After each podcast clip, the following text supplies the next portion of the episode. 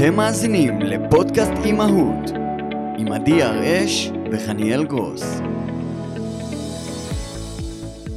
ערב טוב וברוכים הבאים לעוד פרק בפודקאסט המדהים אימהות.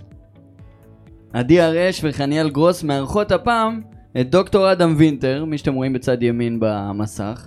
אהלן, מה שלומך? בסדר גמור, מה נשמע? תודה רבה שהגעת. תודה שהזמנת. אה, חניאל, את רוצה להגיד מה יהיה היום בפרק? בוודאי, זה אחד הפרקים שאני הכי מחכה לו, ובגילוי נאות אני אגיד שכתבתי לו שמשאלת הלב שלי זה שהוא יבוא להתארח אצלנו בפודקאסט, כי הוא אחד האנשים שאני הכי מעריכה על כדור הארץ, הוא מקצועי, רגיש, חם, והוא נשאר אנוש, אנוש כזה טוב, עמוק בפנים. אז היום הוא פה ויש לנו כבוד ענק לארח אותך, תודה שהגעת. הוא כירופרקט ונוירולוג תפקודי. יש לו מרפאה אה, מדהימה, קליניקה עובדת במודיעין, אז למי שעוד לא הגיע לשם זה הזמן, ולמי שרוצה לתאם איתו פגישה, אנחנו נוסיף את האתר שלו בסוף הפרק, אני מבטיחה התחלנו בפרסומת שכולכם סמויה תתאהבו כבר, בו. איזה יופי. אה, פחות סמויה. ממש, אה? לא, לא, אני לא רק. אספר שאת כל ההקדמה שלי עושה, היא עושה מג'רזי, בזמן שאני ואתה פה באולפן אצל אה, עוז שלנו בראשון. אז ברוך הבא, ברוכים הנמצאים, תודה שהזמנתם. תודה שהסכמת לבוא, אני מתנצלת, אתה, אתה כבר הבנת, אנחנו קצת דיברנו לפני, אה, כן, התחממנו, התחממנו. התחממנו לפני. אה, הוא הבין שהמטרה האמיתית זה בעצם לאבחן אותך. On the- on the go כזה, על הדרך אנחנו נעשה כמה דברים פה. אנחנו נעשה, אני, אני מוכנה להשתתף בניסוי. אלי, על מה אנחנו מדברים היום? טוב, אז אנחנו בעיקר נדבר על רגע, אה, מה זה ויסות חושי בכלל? מה עושה נוירולוג תפקודי? אה, מה זה רפלקסים. פרימיטיביים, שזה ההתמחות שלך, וקצת איך זה נראה בעולם הילדים, וטיפ קטן להורי המתבגרים, כדי שיקחו אוויר טוב וינשמו, ואיך זה נראה קצת בגיל יותר, אה, יותר גדול. אז זה נראה לי הדבר הכי משמעותי, ואולי מה שאני הכי נשאלת עליו בכל עת, מה זה בכלל ויסות חושי? שאלה, שאלה מצוינת, אבל סליחה. זה לא כזה מסובך. תראו, כל המערכת הנורולוגית שלנו, כל מערכת העצבים שלנו, בנויה על היכולת שלה להרגיש מה קורה מסביב. תחשבו שנייה, אם אתם בונים כל מכשיר שאתם רוצים שהוא יעבוד בצורה מסוימת, הקלט שלו, של המידע, חייב להיות אופטימלי. כל מכשיר, המיקרופון הזה שנמצא לי כאן, עוז כיוון לי אותו מראש בגיין מסוים, בווליום מסוים, כדי שלא, נכון, זה לא יהיה חזק מדי, זה לא יהיה חלש מדי. כל החושים שלנו חייבים להיות מכוונים. קצת בניגוד למיקרופון הזה שאני יכול, אה, אני יכול לשחק פה עם כמה פ- פונקציות ואני יכול להגביר ולהנמיך שם, יש לי כמה מקומות שאני יכול לשחק עם זה, נכון? אז אני יכול לשחק פה, אתה יכול לשחק במיקסר, כמה מקומות שאפשר לאזן את זה. מה שנקרא העצב- נשלט בקלות. יחסית בקלות, וגם אם לא, גם on the go, כאילו, עוז מורגל בזה, אם יש פתאום איזשהו פידבק, הוא מיד יודע לכוון את זה, וזו בדיוק מה שמערכת העצבים שלי עושה כל הזמן, לפחות זה מה שהיא אמורה לעשות. כל הזמן על כל החושים שלי. גם על הריח וגם על הטעם וגם על השמיעה שלי ועל הראייה שלי והמגע שלי והחוש הווסטיבולרי שלי. כל הזמן שמערכת העצבים מרגישה משהו, היא צריכה לדעת להמיר אותו למה אני מרגישה. ובסוף היא גם צריכה להגיד לי, דרך המוח שלי, היי, אתה מסתובב שמאלה, אתה עולה למעלה, אתה יורד למטה, מישהו, מישהו נוגע לך בכתף וכולי, ולייצר לי בעצם מצג... איתותים. אה, האם אתה מדבר על איתותים? לא, לפני איתותים, אני מדבר על זה שהיא. צריכה לאמוד את? המציאות. מערכת העצבים צריכה לאמוד את המציאות, ואם היא עושה את זה טוב, אז יש לי קודם כל שלווה פנימית, ואני יכול לחיות בעולם הזה וללמוד ולהתפתח ולזרום. נכון? אני יכול לבצע הרבה דברים שילדים אמורים לבצע באופן מאוד מאוד אינטואיטיבי, כי הם פנויים לזה. אם מערכת העצבים שלי לא מכוונת טוב, בדיוק כמו שאם מישהו ישחק לעוז בכפתורים שם, ואנחנו נבוא, נשב ויהיה קצת, אה, יהיה בלאגן בווליום, זה בדיוק מה שקורה אצל ילדים, שהוויסות החושי שלהם לא עובד כמו שצריך. זה לא שהאור שלהם לא תקין ולא מרגיש את המגע, אין להם בעיה באור. זה המערכת המוחית. זה האינטגרציה של החושים בתוך המוח עושה קצת בלאגן, והם לא מקבלים אה, מפה מדויקת של מה שקורה בחוץ. ואז נוצר מצב שהם או שהם מוצפים, או שהם לא מרגישים מספיק. ואז אנחנו קוראים לזה קשיים בוויסות החושי, כי זה, בעצם יש לנו שתי, בדרך כלל שני מצבים. בדרך כלל, לא ניכנס למצבים אה, מורכבים יותר, או שילד ילד שהוא רגיש מאוד, וכשמדליקים אור, שיש איזה קול, או שמגע מסוים נורא מקפיץ אותו, או שזה הפוך, שהוא לא מספיק מרגיש. זאת אומרת, הוא יכול ללכת בבית, להיתקע בפינה של המסדרון, ולהמשיך, לא, לא מזיז לו. ללכת נופל וקם לא מזיז לו, נכון? יש כאלה. נתקע בקירות, נתקע בקירות, הילדים האלה כן. שממשיכים ל- לרוץ עם כן, הקיר כן. ביחד. בדיוק. יש לי בן כזה, מוטיב חוזר פה, אני חושב, הערב יהיה כזה, קוראים לו טל שחר, הוא בן שש בשבוע הבא, והוא לא יודע ללכת, הוא רק רץ. גם בבוקר, גם בערב, גם ב-11 בלילה. הוא, מהחדר לו לשירותים, שומעים טק, טק, טק, טק, טק, טק. כזה הוא. זה קצת הסנדלר הולך יחף. לא, הוא עובד, הוא עבד אצלי, מי שיעקוב, מי שייכנס נגיד לעמוד אינסטגרם, יש לי ממש עשיתי highlight של העבודה איתו. אה, זה היה מרתק, כי אני יכול להגיד שכן, שאם הייתי נגיד נחשף ל, למה שעושה אלי, ליווי התפתחותי לפני שש שנים, יכול להיות שהיה לו קצת יותר, אה, הוא היה קצת יותר מווסת היום, אבל אה, בשנה האחרונה עשינו לו עבודה נהדרת, והוא הרבה יותר מווסת. רואים את זה בגן, מרגישים את זה גם בבית, באוכל שלו, זאת אומרת, הוא כבר לא... כאילו, היום צריך לאסוף מסביבו ארבע חתיכות אורז. ולזה אני אומר תודה, זה היה לפני חצי שנה, זה היה... הכל. מה זה, זה. מטאטא, זה לא, מטאטא לא מרים את הדברים האלה. ברור שלא. לא. בשביל זה צריך אתה כלב, עוד לא- כלב, כלב. זה מה שצריך. אתה עוד לא עברת לדייסון. עברתי לדייסון.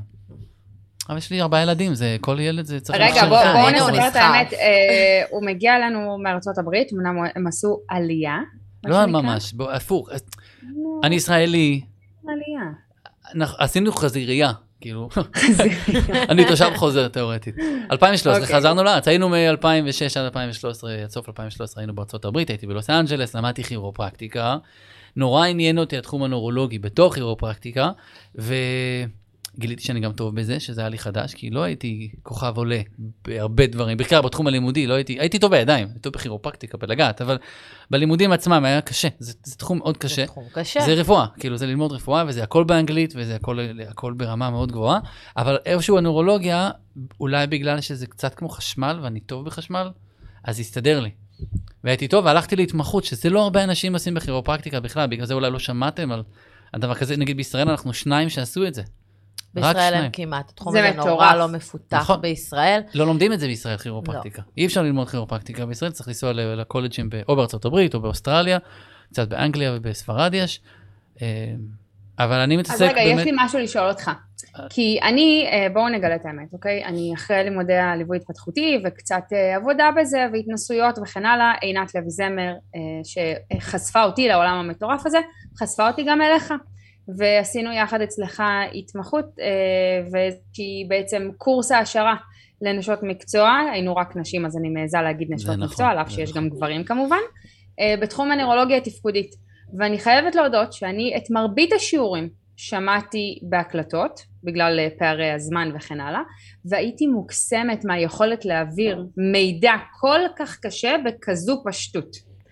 אז, אה, אז אני רגע רוצה להגיד משהו על ויסות חושי, כי אמרת איזושהי נקודה שכל כך מהותית להורים.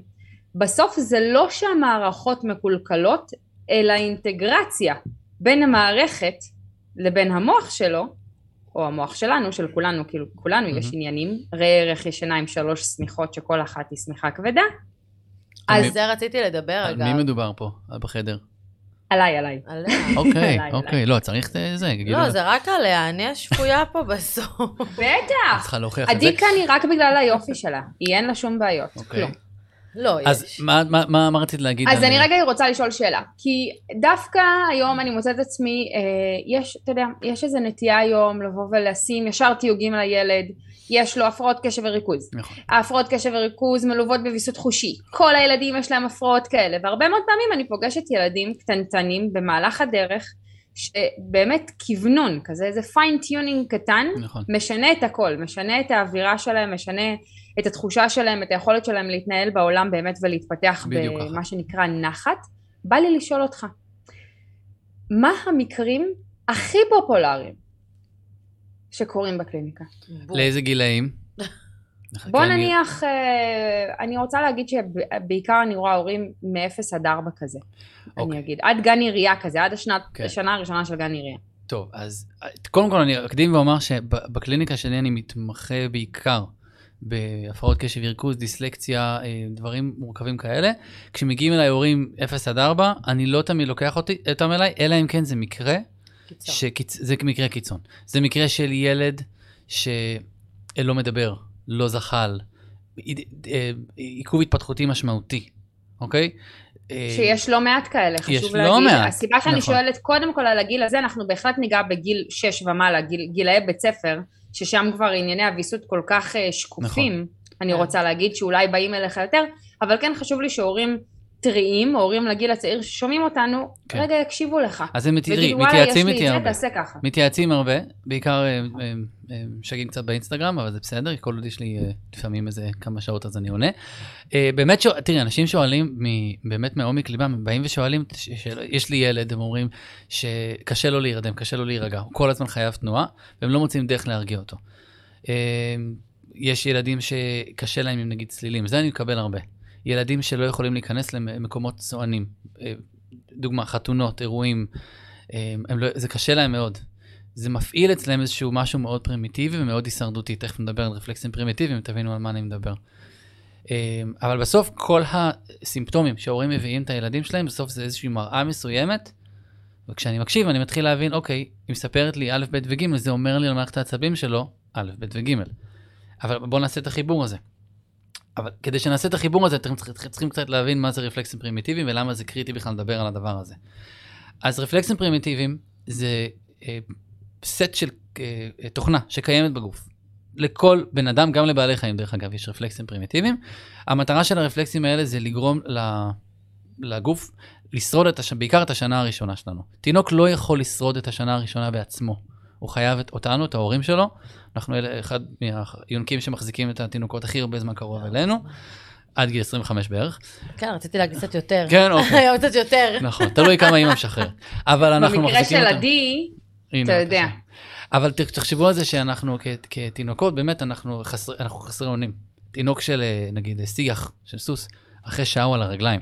כל ה... זה. הרבה מאוד יונקים. רק אנחנו נולדים אה, חצי אפויים למעשה. זה נכון, אנחנו ילדים חצי אפויים, ומהרבה בחינות, לא, גם. קנגרו, גם חלק מהקופים, נכון. יש עוד זנים של יונקים כן, שנולדים כזה. רק לא תלויים ברמה כזאת. נכון, אנחנו בעצם נולדים עם מוח כמעט לא מתפקד.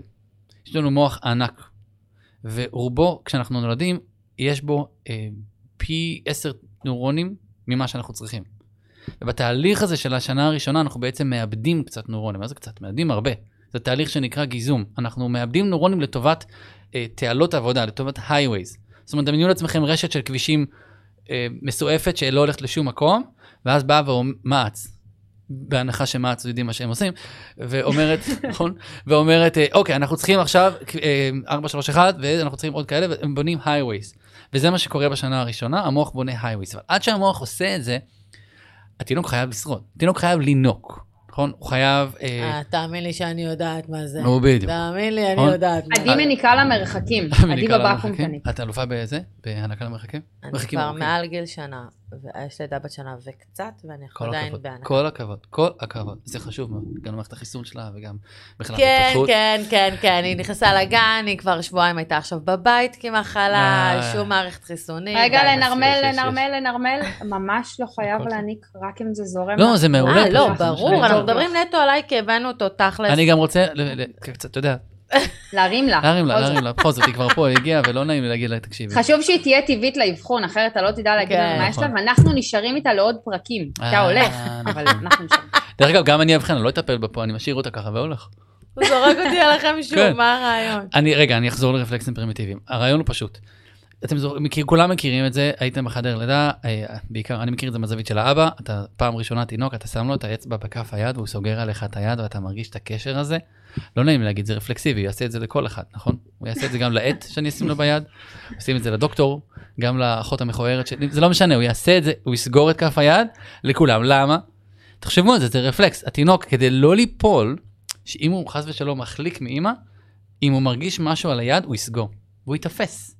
וזה רפלקסיבי, ויש פה שרירים שעובדים, ואף אחד לא, אף אחד לא ביקש את זה, זה רפלקסיבי לגמרי. אגב, גם חיוך בהתחלה. נכון, חיוך זה אחד הרפלקסים, אני לא אדבר על כל הרפלקסים. לא, ברור, אבל זה משהו. שאנחנו די רואים די מהר, שהוא מחייך, נכון. והוא עד בערך גיל חמישה חודשים, נכון. ארבעה חודשים, שאז- הוא רק אז זה נהיה מודע. נכון, אז הנורוני מראה מתחילים לעבוד, ואז באמת החיוך הוא חיוך אמיתי, ולא חיוך, אה, איזשהו חיוך רפלקסיבי.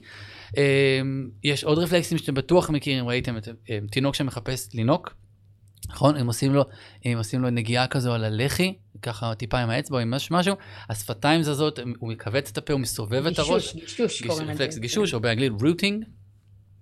אה, רפלקס מאוד חשוב. אני אתן כמה דוגמאות לרפלקסים שמגיעים טיפה יותר מאוחר, אוקיי? אני אתן דוגמה לשניים. אני אקח אחד שהוא קוראים לו ATNR, שזה ראשי תיבות של Asymmetric Tonic Neck Reflex. עוד פעם, Asymmetric, אין צורך לז- לזכור. נכון, אין בוחן בסוף, רק לידי. איזה פרצוף. תרשום על הלוח. עברתי. עברתי, עברתי את המבחן. היא עברה, נכון. תראו אני- תראו איך ישר אמרתי, תרשום על הלוח. יפה. מה זה ה-ATNR? כדי שתינוק יתחיל לפתח אה, איזשהו, אה, שני צדדים חופשיים, לטרליזציה, זה נקרא, בין ימין לשמאל, שיהיה לו יכולת מוטורית אה, עצמאית, המוח צריך להתחיל לבצע את החלוקה שלו לעבודה לשתיים, ובעצם להתחיל לפתח צד ימין וצד שמאל. והוא עושה את זה אם יש לכם תינוק בבית מאפילו אה, גיל חודש עד אפילו שישה, שבעה חודשים, תניחו אותם על הגב, תסובבו את הראש בעדינות לצד אחד, ותראו איך היד של אותו הצד שהסתובבתם אליי, נגיד סובבתי את הראש שמאלה, אז היד הזאת, השמאלית שלי, היא תיפתח, והיד השמאלית שלי קצת תתכווץ, וגם הרגליים יעשו אותו דבר, הרגל שמאל תיפתח ורגל ימין תתכווץ קצת, הם יעשו extension ו-flexion. נסובב את הראש לצד שני, יקרה בדיוק אותו דבר בצד שני. הדבר הזה מכין את התינוק בעצם, מבחינה אה, נורונית, לחלוקה הזאת שאחרי זה תבוא לזחילה, ואחרי זה תלך גם להליכה, ואחרי זה תבצע בעצם הרבה מאוד תהליכי אוטומציה בגוף בלי שאני מודע לזה. עכשיו, תגידו לי מה ה big deal. בסדר, תינוק יש לו ATNR, אין לו ATNR, יש לו סייף, אין לו סייף, מה זה חשוב? אני רואה כן, רגע, ילדים. לפני שכולם הולכות להזיז את התינוקות כן. מצד לצד. אז זה חשוב. רגע. אה, א' כל זה קורה טבעי. זה נכון, לא הם עושים את זה להתאמן, זה בעצמם. קורה טבעי, חשוב לציין את זה. נכון. הרפלקסים קורים, עכשיו לפעמים יש ילדים שבגלל שלפעמים לא שמים אותם מספיק על הבטן, ולא עושים להם מספיק פליי טיים, או שמשהו עיכב אותם התפתחותית, למשל תינוק שהיה בבית חולים תקופה מסוימת, ולא מספיק אה, התנסה במרחב, לפעמים מפספסים את החלון שבו הם אמורים לבצע את הרפלקס, והרפלקס הזה קצת נשאר. הוא נשאר פתוח, הוא לא עושה הטמעה. כי הרפלקס, כל הרפלקסים עושים הטמעה על ידי הגירוי שלהם. אז כשהרפלקס הזה נשאר פתוח, הוא עדיין נשאר לי פתוח בגילאים המאוחרים. ותכף אני אספר, אני אסביר לכם איך זה, זה. אני מקבל ילדים אצלי, וכמו שאמרתי, מגיל 6 ומעלה, אני מקבל בכל הגילאים, יש לי גם מבוגרים, אה, 65 יש לי גם, גם עם רפלקסים לפעמים. וואו. יש, יש הכל. עדי, לא מאוחר, עדי. לא מאוחר. שמעת? היא היא בת 25, מה הבעיה? ב- 25 פלוס 5. פלוס 5. זה, זה, זה, זה, זה, למה? 25, מה קרה? נתתי לה. לא הבנת. נכון, אה? היה פה משהו.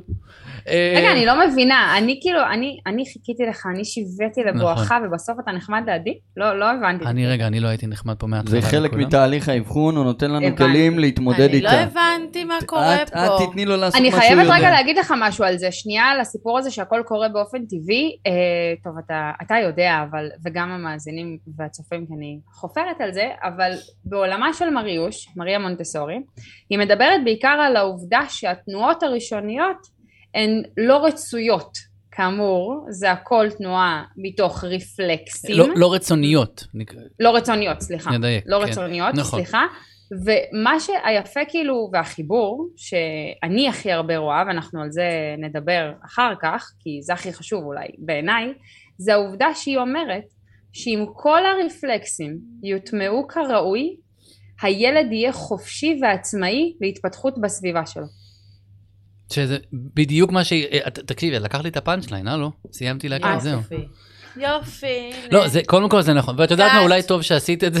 לא, אני אגיד לך למה, כי ההורים שואלים מה זה, זה חשוב, בסוף, הרפלקסים האלה, אם רוצה לדלג שנייה לבוטם ליין, הרפלקסים האלה עוזרים לי לווסת את החושים שלי.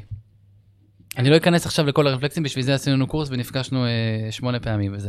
אבל בסוף הרפלקסים האלה עוזרים לי לווסת את החושים שלי. אני אחזור שנייה ל- לילדים שנגיד הרפלקס של הסייף לא עבר להם, ואז הם קצת קלאמזי בבית ספר. אז מה, בסדר, קצת קלאמזי, וקצת כדורסל וזה, והם... ואז הם לומדים לנהוג באופניים, לרכב על אופניים, לרכוב, אומרים לדעתי.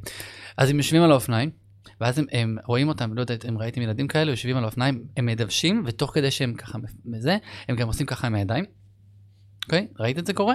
והם עושים עם הראש ככה, ימין לשמאל, אה. והכידון עושה ימין... רגע, לטובת מאזיננו שלא צופים שלא לך צופים? עכשיו, מה הם ש... זזים הוא בעצם. מה שהאדם עושה, הוא מזיז את הידיים מצד לצד, ממש. כן. הוא כל מחזיק הגוף משתף. פעולה, זאת אומרת, במקום שהוא הילד ישב והרגליים יפדלו את הנושא, נכון. כל הגוף משתתף. כל אה, הגוף, לגמרי. בכל הדבר הזה. לגמרי, לגמרי, לגמרי.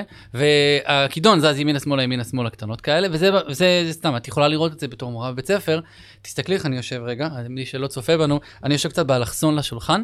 הרבה ילדים כאלה שיש להם ATNR עדיין, יהיה להם נוח לא לשבת מול השולחן, אלא לפתוח זווית, ליישר רגל, ליישר יד. זה הרבה יותר נוח להם ככה בזווית מאשר להיות ישרים. חציית קו אמצע מסתבכת אצלם, למה את מחייכת? יש לך איזה חיוך סמוי כזה שהיא רוצה לחשוף משהו. אגב, זה קשור, סליחה, זה קשור לזה שכאילו הם תמיד מוכנים ללכת למקום אחר, או כאילו הם מחכים לדבר הבא? לא, זה קצת אה, נראה לי PSD ו-TSD קצת, מה, אה, כאילו... מה, אתה מתכוון ממהרים אה, כאילו לעבור עכשיו לדבר? גם אני עכשיו, כאילו, איך שאמרת, שאתה לא יושב. שאתה לא, שאתה לא שלא יושב מול, אלא כן. אתה יושב בזווית שכאילו אתה מוכן תמיד, תראו, אנחנו נעשה פה כלל חשוב. אנחנו לא הולכים לאבחן אף אחד פה על בסיס איזשהו דקות של איזשהו אה, משהו. שמעת? לא, כי אני מקפיד גם לעשות את זה בקורסים, כי לפעמים אני אומר דברים ואני נותן איזה כמה דברים, וכולם אומרים, מה, יש לי את זה? או יש לי... אז בואו נרגע, אין פה כלום. כשאני עושה בדיקה, אני עושה בדיקה אמיתית, אבל המשמעות היא, אפילו בגיל המאוחר יותר, אני רואה ילדים שמגיעים למורה נהיגה, ויש לי כמה מורים נהיגה ששולחים לי ילדים, שהם אומרים, הילד הזה עד שהוא לא עובר אצל וינטר, הוא לא חוזר אליי. למה הם עושים את זה? כי זה ילד שיושב בשיעור נהיגה, מחזיק את ההגה בלפיתה של אה, אלוהים ישמור, Mm. והוא לא יכול להסתכל למראה הצדדית מבלי להסתובב לעשות את ההגה. כן, ו- ולא נדבר על זה שהם מספרים לי שילד כזה גם, שלפעמים הם עושים את זה, הם גם דופקים ברקס או גז בטעות. כי תחשבו, יד וואו. מתיישרת. רגל מתיישרת. הילד הזה לוחץ גז או ברקס בטעות, המור- המורה אמר חבוב, הוא לא חוזר עד שאתה לא מעיף לו את הדבר הזה. זה, היו לי כמה מורים בהרצאה שבאו, לא מורים, הורים של זה, ומסתבר שהם היו מורי נהיגה, והם החליטו שילד כזה עובר אצלי. זה, זה מקסים, כי הם חוסכים לילד כאילו... א', זה נהדר. 30 ב', שיעורי חשוב נהיגה רגע להגיד שאם הם היו פוגשים אותך. בתחילת הדרך, ולא היו פוגשים אותך כשהם הולכים ללמוד נהיגה בגיל או, 17, נכון. זה היה הרבה יותר קל לפתרון. נכון, לא שזה קשה, דרך אגב, הרפלקסים הפרימיטיביים זה עניין של כמה שבועות תרגול וזה עובר. זה פשוט לתר... מתרגלים, יש כל מיני סוגי תרגילים שאנחנו עושים כדי להעלים את הרפלקסים, זה לא כזה מסובך, זה לא rocket science. ככה הופכים להיות מתופפים. איזה מזל שזה אה. מוקלט ואמרת להעלים את הרפלקסים, כי פעם אני אמרתי את זה והוא אמר לי, רפלקסים מוטמעים, לא נעלמים. הם נמצאים בתוך זה הגוף. סמנטיקה מיותרת בעיניי, חייבת. כאילו, אפשר, אה. אפשר להטמיע רפלקסים, אפשר, מה זה להעלים? גם אם אני מעלים את הטלפון שלי מהשולחן, הוא, הנה הוא חזר, אז מה. עשיתי? נו, לא, אבל אנחנו יכולים לשלוט ואנחנו יכולים לסדר את זה כדי באמת להקל עלינו. נכון. אגב, שאלה, באמת, עכשיו אמיתי, כי באמת דיברת על בית ספר, וכן, אה, בשבועות האחרונים אני אכן אה, הצטרפתי למשרד החינוך, ואני ככה מלמדת אה, אה, ילדים חמודים ומקסימים. אין איזה זה, פעם פעם פעם כזה משהו בר... כן, לא, זה משרד פשוט- החינוך הוא פשוט קורס. כן. הם פשוט... כמו חומת ברלין, ככה הוא נופל. אה, באמת. עדי הצטרפה. כן, כן. ובאמת, אחד הדברים שאני מאוד מקפידה עליהם, זה שהם באמת הם ישבו אליי. כי אה, אני, אני מבינה עכשיו שבאמת יש איזשהו צורך. הבעיה היא שבכיתה, כשהם יושבים כזה, אז ה- ה- היכולת שלהם לדבר עם אחד מהשכנים מכל צד, נכון. אה, אה, זה מאוד קשה. נכון, נכון. קחי בחשבון, אם מדברים על ילדים בבית ספר, אני, אני בעוונותיי גם מלמד את כיתה ז', אה, לקחתי על עצמי ללמד קורס גוף נפש לילדים בכיתה ז', אני הרבה יותר קטנים ממך, מלמד. אז אני לא יודע מה עדיף, כן, בינינו, קשה להשתלט עליהם, אבל כשמעניין אותם, אז רובם מחזיקים מעמד. לא קל להם להחזיק קשב, בטח לא קל להם לשבת אה, ממול. זה תלוי בסוג הילדים. יש ילדים שאני נותן להם לשבת על הרצפה ולצייר ולהקשיב לי, או לעשות אתה- משהו, כאילו, אני... אתה לגמרי מוזמן להגיע לשיעורים שלי, אצלי בכיתה הם יודעים, כל עוד הם, מה שעוזר להם להתרכז, אני מדברת על כיתות ג'-ד', אוקיי. מה שעוזר להם להתרכז, אגב, אנחנו כל הזמן צוחקים על זה, ואנחנו מביאים את זה מאוד מאוד בהומור. אני אכן מאובחנת עם המון המון הפרעות, אה, דיסלקציה והמון, אני לא יכולה לשבת, באמת, קשה לי. אה, לא שמנו לב. זה לא מורגש, היא פשוט למדה אבל להעלים את זה אני- אהבה פה, זה משהו. לא, אבל אני, אנחנו צוחקים על זה, אבל זה באמת באמת, זה גדול, אני, אני לא יכולה. ולכן גם אחת הסיבות שבאמת הלכתי, ואחד מה, מהצעדים זה באמת להיות שם בשביל הילדים האלה, כי אני יודעת כמה זה קשה זה מדהים. לשבת ב, בתוך המסגרת הזאת, אה, בתור אחת שישבה במסגרת הזאת, אה, גם בתארים וגם אחר כך בהמון, אני ואלי נפגשנו בלימודים. אה, ואני כל הזמן ככה בעוד לימודים ועוד לימודים ועוד תרפיות, והולכת, שנים אני מפלרטטת עם, אה, עם כל הנושא של הלימוד.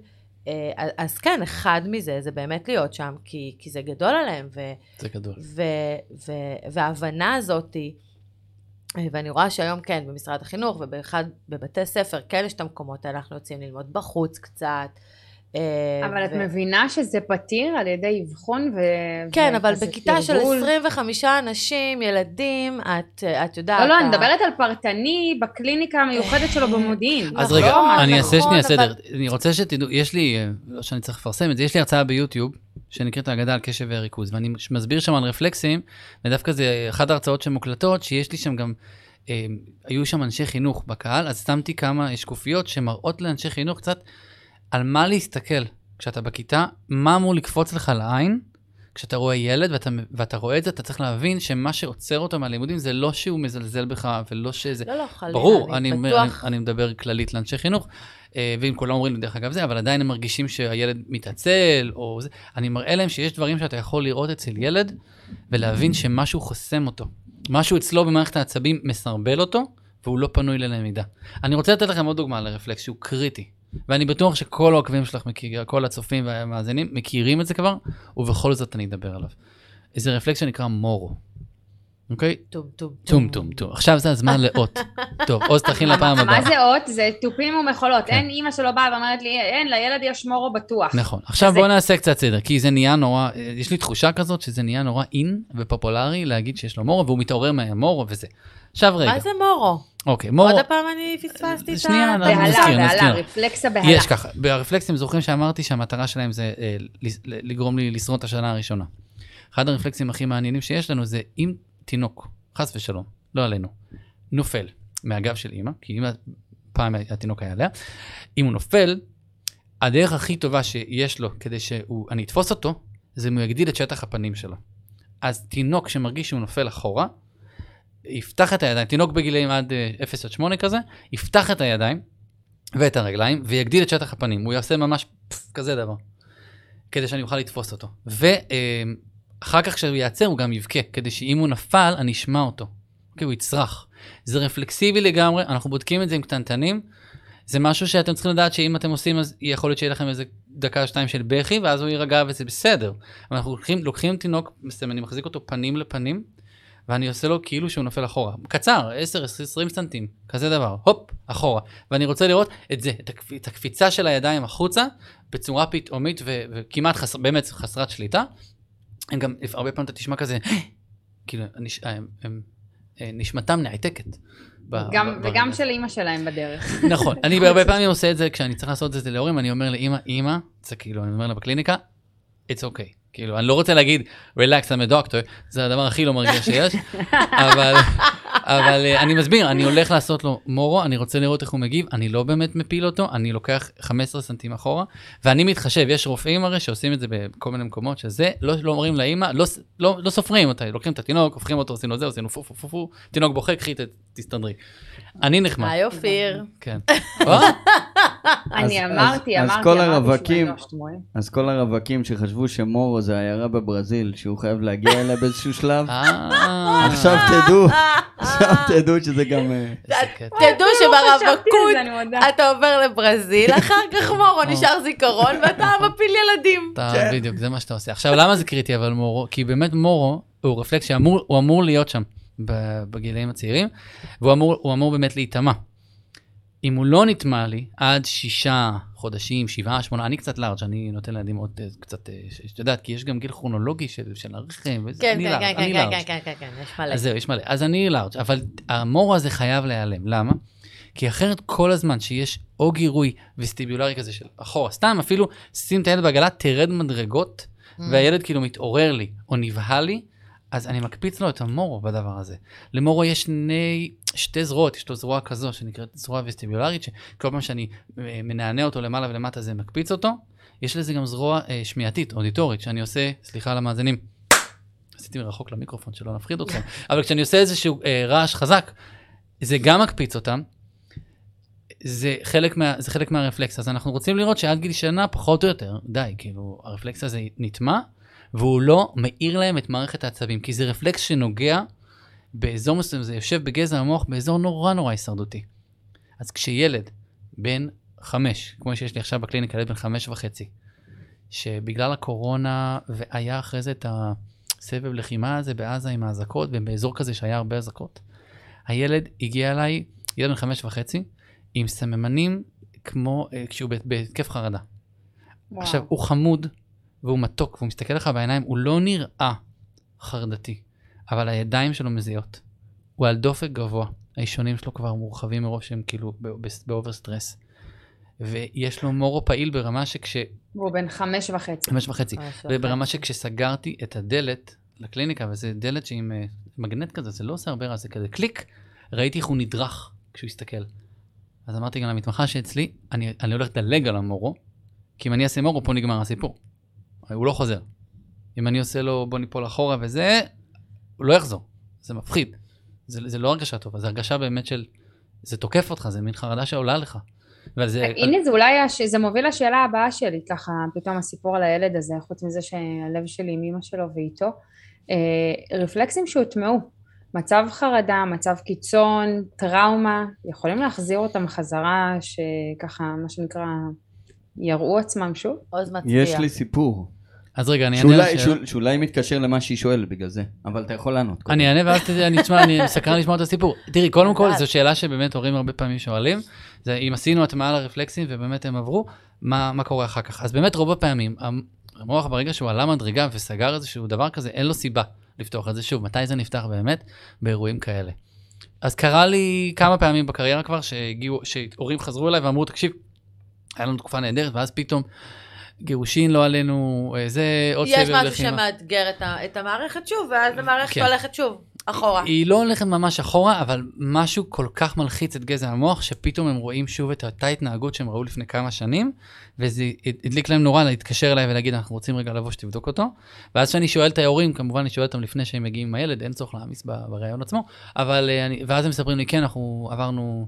עברנו ככה, עברנו. ככה, עברנו תקופה, וזה מסביר קצת, ואז אני יודע גם איך לת- לעבוד עם זה עם הילד. זה לא אותו פרויקט כמו שהיה בפעם הראשונה שצריך להטמיע. צריך רק פיין. אבל זה ממש. קצת יותר עדין. אני ממש. מדברת אפילו, תחשוב על רמת שאלה אולי קיצונית מדי, אבל נניח בית לוינשטיין סטייל. אוקיי. כאילו איזה תאונת דרכים, אדם מבוגר, אז רגע, יכול ממש לצוף. הכל מחדש? אני, אני אסביר. לרפלקסים הפ- הפרימיטיביים, כש, כשאנחנו אנשים עוברים אירוע מוחי לא עלינו, או כל דבר כזה, או פגיעה מוחית, יוצאים החוצה רפלקסים פתולוגיים. בבינסקי, זה רפלקס פתולוגי, אנחנו גם מהמם. משתמשים בו כרפלקס פרימיטיבי, כי הוא כזה. אבל אני כן ר, ראיתי, ועדיין רואה לפעמים, כשמגיעים אנשים אחרי שבץ אליי, כמו, אה, לצערי עכשיו יש לי גם קרב לבני 40 אחרי שבץ, אה, שמגיעים כאילו זה לעזרה קטע בשיקום. שהיום בכלל מקבלים שבץ בגילאים נורא נורא... אה, אה, ה- ה- ה- בשנה האחרונה המנעד הזה התרחב. התרחב אני מאוד. לא- אני לא אני לא אחשוף את דעתי לנושא, אני רק אגיד שהמנעד הזה עלה, וראיתי כמה חבר'ה כאלה שלא האמנתי שהם קצת גדולים ממני וכבר עברו איזשהו אירוע כזה, ואתה רואה אצלם אה, לא רק רפ- רפלקסים פתולוגיים, גם רפלקסים פרימיטיביים, אבל זה באמת, אה, זה בוא נגיד, הקיצון. זה תחום שמעניין את מי שמתעסק במה שאני מתעסק, את ההורים שפה זה לא אמור, כאילו, זה טוב, טוב, את האמת. שזו הייתה שאלה שלי, סתם אה, אז- שאלת חקר. אבל עוז היה לו סיפור, אני. סקרן לשמוע סיפורי עוז. יופי. יאללה, סיפור מעוז. אז אה, אני, בעוונותיי, כשהייתי בצבא, זה היה ממש מזמן. ממש, לפני יומיים הוא. השתחרר. לא. חבר'ה. תנגב את החוגר פה מהזה. לא, לא. אה, ציץ מאחוריך, הוא בדיוק הביא את זה איתו חברים, מהוואקום. מרץ- מרץ 06 עייפים. במיוחד. מרץ 06. דבר, דבר, אנחנו פה סתם, הייתי כן. בעזה בעופרת יצוקה. אוקיי. נכנסתי לשם, וכאילו התנדבתי להיכנס כי הייתי רס"פ של אה, טירונים, אז אמרו לי אם אתה רוצה להיכנס, תיכנס בתור נהג אה, אכזרית, אמבולנס, איתך הרופא, אתם הכוח מ- מחלץ של כל הפצועים. נכנס לנו חייל, אוקיי? לאכזרית, שטענו שהוא לא שומע. עכשיו מה קרה? הוא ראה פיצוץ של בית מ-50 מטר. הוא היה כוח אה, שאמור אה, לחפות, הוא צלף. ממש רחוק, 50 מטר מהבית, היה בום. הוא ראה את זה, המוח שלו קיבל פקודה. היו לידו עוד אנשים, וגם הצוות ש- ש- ש- שקיבל את הבום, לא קרה להם כלום. אבל הוא, כשהוא ראה את זה, המוח שלו קיבל פקודה, מה שנקרא הלם קרב, ובעצם הוא הפסיק לשמוע for real. עכשיו, מה קורה? הרופא אמר לי, עוז, צא שנייה מהאכזרית, כמו נגמש, למי שלא מכיר, ותחזור. את זה בטח כולם מכירים. לא, נגמש, אני- אנשים מכיר, מכירים. כן, טנק בלי טריח כזה. כן. אה, תחזור לתוך האכזרית ותבהיל אותו.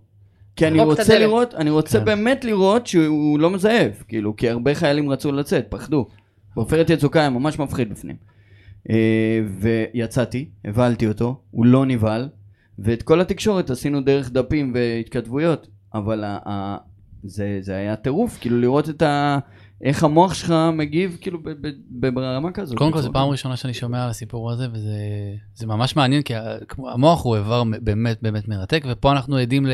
אם אנחנו מכירים הרי תסמונות כמו... אה, דיבור סלקטיבי. אה, אה, עם אילמות סלקטיבי, דיבור סלקטיבי, אנחנו מכירים alien hand, אוקיי, תסמונת שאתה חושב שמשהו זה היד שלך, זאת אומרת, יש הרבה תסמונות של מערכת העצבים שמתעתעות בנו. אה, זו אחת מהן, שבעצם חווינו חוויה אחת והשפיעה באופן ישיר על מערכת סנסורית אחרת, בגלל אולי האנטיסיפציה, זאת אומרת הציפייה שמה שראיתי אמור לפגוע לי בדבר הזה, למרות שבאופן, אם אני בטוח שהוא עשה בדיקת שמיעה, ובדקו לו את עברוני השמיעה ואת אור התוף, ואמרו, זה בסדר שם, משהו באינטגרציה של החושים נפגע. ואם אנחנו מדברים על ויסות חושי, זה די אה, מקרה מעניין. אז אני לא יודע, אגב, אם, מתי והאם הוא חזר לשמוע. נכון. יש לי עוד שאלה. עכשיו גם אני יכולה לשאול יאללה, שאלה? קטע מומחה, נו. בשביל זה באנו, לא זה מה שרצית, שירביצו לי, נכון? זה הסיפור. וואי, תקשיבו, אני כאילו, בא לי שהוא יבוא לנצח. אני יכולה אה. להקשיב לו, באמת, א', אני שמעתי אותו מלנת אלפים שעות, כל שיעור. שמעתי בערך ארבע פעמים, אבל אני יכולה להקשיב לו לנצח. איזה יופי, אה. כאילו, תבינו. איך כל דבר קשור בכל דבר. עכשיו, איך שאת יושבת, הוא בראש חושב איך המוח שלך עובד. חס ושלום. לא, נראה לך, תקשיבי, למה כל יום שאת הולכת את רואה ילדים, את מאבחנת בראש, אנחנו גם לפעמים יוצאים מעצמנו. לענות? האמת לא, שכן. את. לא, במקרה של אלי זה לא קורה, אם יש משהו שאלי עושה זה רק לאבחן, אפילו בשיחות טלפון, איכשהו, היא נוזפת. בי בשיחות טלפון. זה עובר, אלי, זה עובר. בהתחלה גם אני. הייתי ככה, ואיפשהו קיביתי, אני עם הילדים נגיד, זה, זה לא, זה צץ, נגיד אני בפארק, בפארק גן שעשועים, זה אי אפשר, אי אפשר להחביא את זה, אתה רואה את המוטוריקה של את- הילדים. אתה ברור. לי שכשאנשי מקצוע אנחנו כולנו מסתכלים ואנחנו מזהים ואנחנו יודעים לראות הרבה הרבה ערים דברים. אבל- לזה. אה, אבל בוא, כשאני הולכת אה, לשבת עם הילדה שלי, כשהיא הולכת לחוג, או כשאני הולכת איתה לגן שעשועים, אני מכבה רגע את הטייטלים של הזה, ואני נכון. משתדלת להיות אימא. נוכחת, נכון. אה, אלי, נגיד, שאני מדברת איתה בטלפון, ואז היא שומעת איזה, בואי לאכול משהו, זה מה שאת נותנת לה לאכול, את לא יודעת כמה חשוב האוכל, כזה. אבל זה לא מה שרציתי לשאול. יש תסמונת אצל ילדים, אפילו קצת אולי מתבגרים, של השיער שנושר, ברח לי השם, רגע. איך קוראים לזה, אתה יודע למה אני מתכוונת? אני יודע, זה, זה שזה בא מסטרס. כן. זה לא רק לילדים, ראיתי את זה אצל גם בוגרים. גם כן. אצל מבוגרים. גם אצל מבוגרים. אבל אני מדברת במיוחד על הגיל הזה, כי יש שם איזה משהו שקורה, כי אני נתקלתי בזה כמה וכמה פעמים אצל זה. זה חלק שמדבר גם על הוויסות? וואו, לא, זה פחות ויסות, זה, זה, זה משהו די מוכר, דרך אגב, זה לא נכון, חדש. נכון, נכון, זה לא חדש בכלל. הקונספט הוא כזה, כשמערכת העצבים נכנסת למצב של סטרס בצורה מסוימת, היא לא יודעת לפעמים איך לאותת לך שהיא במצוקה. והגוף שלנו כל כך חכם שהוא לפעמים יאותת לנו בכל מיני דרכים. אז תתפלאו, אבל חלק מהאנשים, אה, בחורים, חבר'ה צעירים מקבלים סכרת כתגובה נכון. לסטרס. חלק, אה, אולקוס, אולקוס זה חד וחלק סטרס. אחד הדברים. הכי מוכרים. אולקוס, אתה נכון. ישר, כאבי נכון. בטן יש ספר מוגזמים. שנקרא, את מכירה את הספר? זה נקרא Why Zebras Don't Have Ulcer. למה לזברות, אה, אה, למה לזברות, מפתיע, מחר יהיה לה אותו. מחר, זה של- היא כבר מקלידה את זה תוך כדי לא, אני רק רוצה. להשוויץ שאני זוכר את המחבר, זה- קוראים לו אה, דוקטור רוברט ספולסקי, ואני חושב. שהוא מברקלי במקום, אה, והוא כתב ספר שלם שמסביר את הפיזיולוגיה של סטרס, ולמה בני אדם לא יודעים לשחרר. הרי מה זברה? זברה הולכת, ב- הולכת. זברה מסתובבת עם כל החברים שלה בג'ונגל, בס- בס- סליחה, בסוואנה, בסוואנה. סוואנה, מגיע הצ'יטה, נכון? בא זומם, זומם, זומם, זומם, בא נותן ספרינט, אוכל את יעקב, וכל השאר עוברים לצד השני של נהר, וממשיכים ללחך אה, עזב. אף אחד לא יושב ואומר, זוכר את יעקב? שהצ'יטה טרפה, אף אחד אין. אין רטרוספקטיבה, אין, אה, אין כלום, לא מעניין אותם. וזה, אבל זה הסיבה שאין להם מחלות, כי הם לא חושבים על מה היה ומה יהיה. אנחנו, אני לא יודעת, אני פתאום בא לי להיות זברה. איך אומרים, ignorant is the bliss. אתה רק חייב להחליף את השם הזה של הדוגמה. של יעקב? יעקב, זה לא מתאים. זה לא שם של זברה? זה לא, זה לא... זאבי, לא. משהו- זאביק. האמת, הזברה היחידה שאני מכירה היא מפאפה פיג, קוראים לה זוהי. נכון, זה זוהי. לא, יש את הזברה בזה, מה? במדגסקר. מה זאת אומרת? מה? לא, היא רואה פפה פיג עם הילדים, גם אני אתה ראיתי. מבין? אני ראיתי פפה פיג. אני רואה פפה פיג, נו, בואו. אבל אה, מדגסקר. מדגסקר. אה, טוב, רגע, אני חייבת רגע לומר משהו. עכשיו, מה אתה חושב על סיפור לילד שלי יש הפרעת קשב וריכוז, כמה שנקרא אחד על אחד, יש לו הפרעות ויסות חושי. לא הבנתי את השאלה.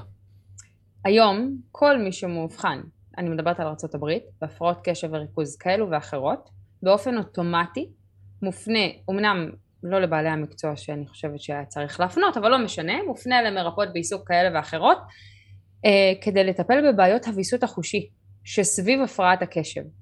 אפילו לא ברמת לאבחן אם קיים ויסות חושי, אלא כהבחנה, יש לך הפרעות קשב, יש לך הפרעות ויסות.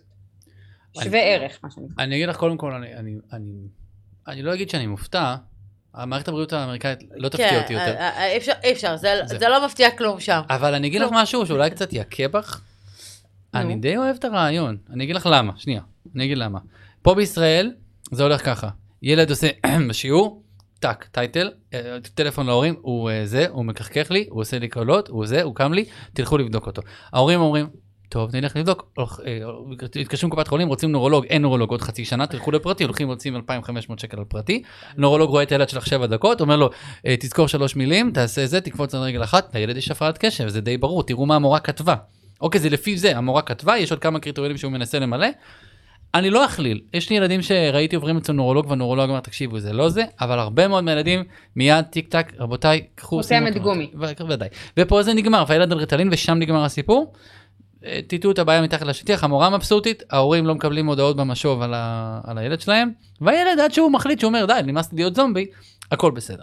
הבעיה מתחילה אחרי זה הרבה, אבל בארצות הברית אם מפנים ילדים שיש להם so called הפרעת קשב, נניח שיש להם הפרעת קשב, מפנים אותם קודם כל לעבוד על ויסות חושי, בעיניי זה מבורך, כי בסוף, איך אמרתי בתחילת אה, השיחה? לא, לא, זה אחרי שהם קיבלו, כמובן, כדורים. אה, לא, לא. בארצות הברית קודם כל אתה מקבל את הכדורים, ואז אתה מתחיל לברר. אה, אה, את הכדורים הוא נותן רופא. המשפחה, אבל לא, לאיתו. הבסיס של מה שאמרתי, יש בו המון, את יודעת, כי לפעמים הילד שזה גדול עליו, כי יש לא המון. רעש בכיתה. יש נוירולוג תפקודי. רגע, אה, אבל לא. לא בכל מקום, זה לא, אבל שוב, קודם כל, לא כולם יודעים על כל הדברים האלה, זה דבר ראשון. אה, למה את ש- חושבת שהוא יושב לידך הערב? אה, זה ברור וזה מבורך אה, ש- שהבאת אותו, ואנחנו מאוד מודים לך על זה, אבל בסופו של יום, את יודעת, גם הורים לא יודעים היום, במיוחד בעולם הזה, במיוחד במה שקורה היום ב- בכל השוני המשפחתי, נכון. אה, אה, המון גירויים חיצוניים שגם אנחנו, את, אה, אני בטוחה שגם אתה נתקל פתאום בדברים שלא, שלא כולנו מכירים באופן שזה לא היה פעם. זה לא היה. תראי, אני מסביר לפעמים להורים בהרצאות שאנחנו בתור ילדים, ערוצי התקשורת שהיו סביבנו היו אה, דף ועט. זאת אומרת, לא היה שום דבר בכיתה חוץ מ... או שהיית בכיתה והתכתבת עם חבר ועל זה יכולת להיענש או לא להיענש, אבל לא היה עוד ערוצי תקשורת. ילדים היום יודעים לפעול בקשב מאוד קצר מול טלוויזיה ושני מסכים. ומחזיקים קשב מאוד מאוד מצומצם על כמה וכמה, אה, לא נתווכח עכשיו אם זה טוב או לא, זה באמת אה, נושא לפודקאסט אחר, כאילו הפרעת קשב, אבל אני כן אגיד דבר כזה, הפרעת קשב ב- היא בעצם תופעה מוגברת של אי יכולת לווסת את החושים. בסוף, מה זו הפרעת קשב? זה אני לא מסוגל להשתיק חלק מהחושים ולשים את ה-attention שלי, את, ה- את, ה- את תשומת הלב שלי, על משהו אחד בלבד. בשקט, ברוגע. אני לא יכול, כי החושים שלי מהממים אותי. יש כזה? כאילו, I'm overwhelmed? נכון? הם, לא, את מהממת, אבל לא. אני, אה, מציפים. תשאל את אלי, גם שאלי מכירה אותי מאוד טוב, אני בתור תלמידה, ואנחנו מדברים קצת על תקופה ש...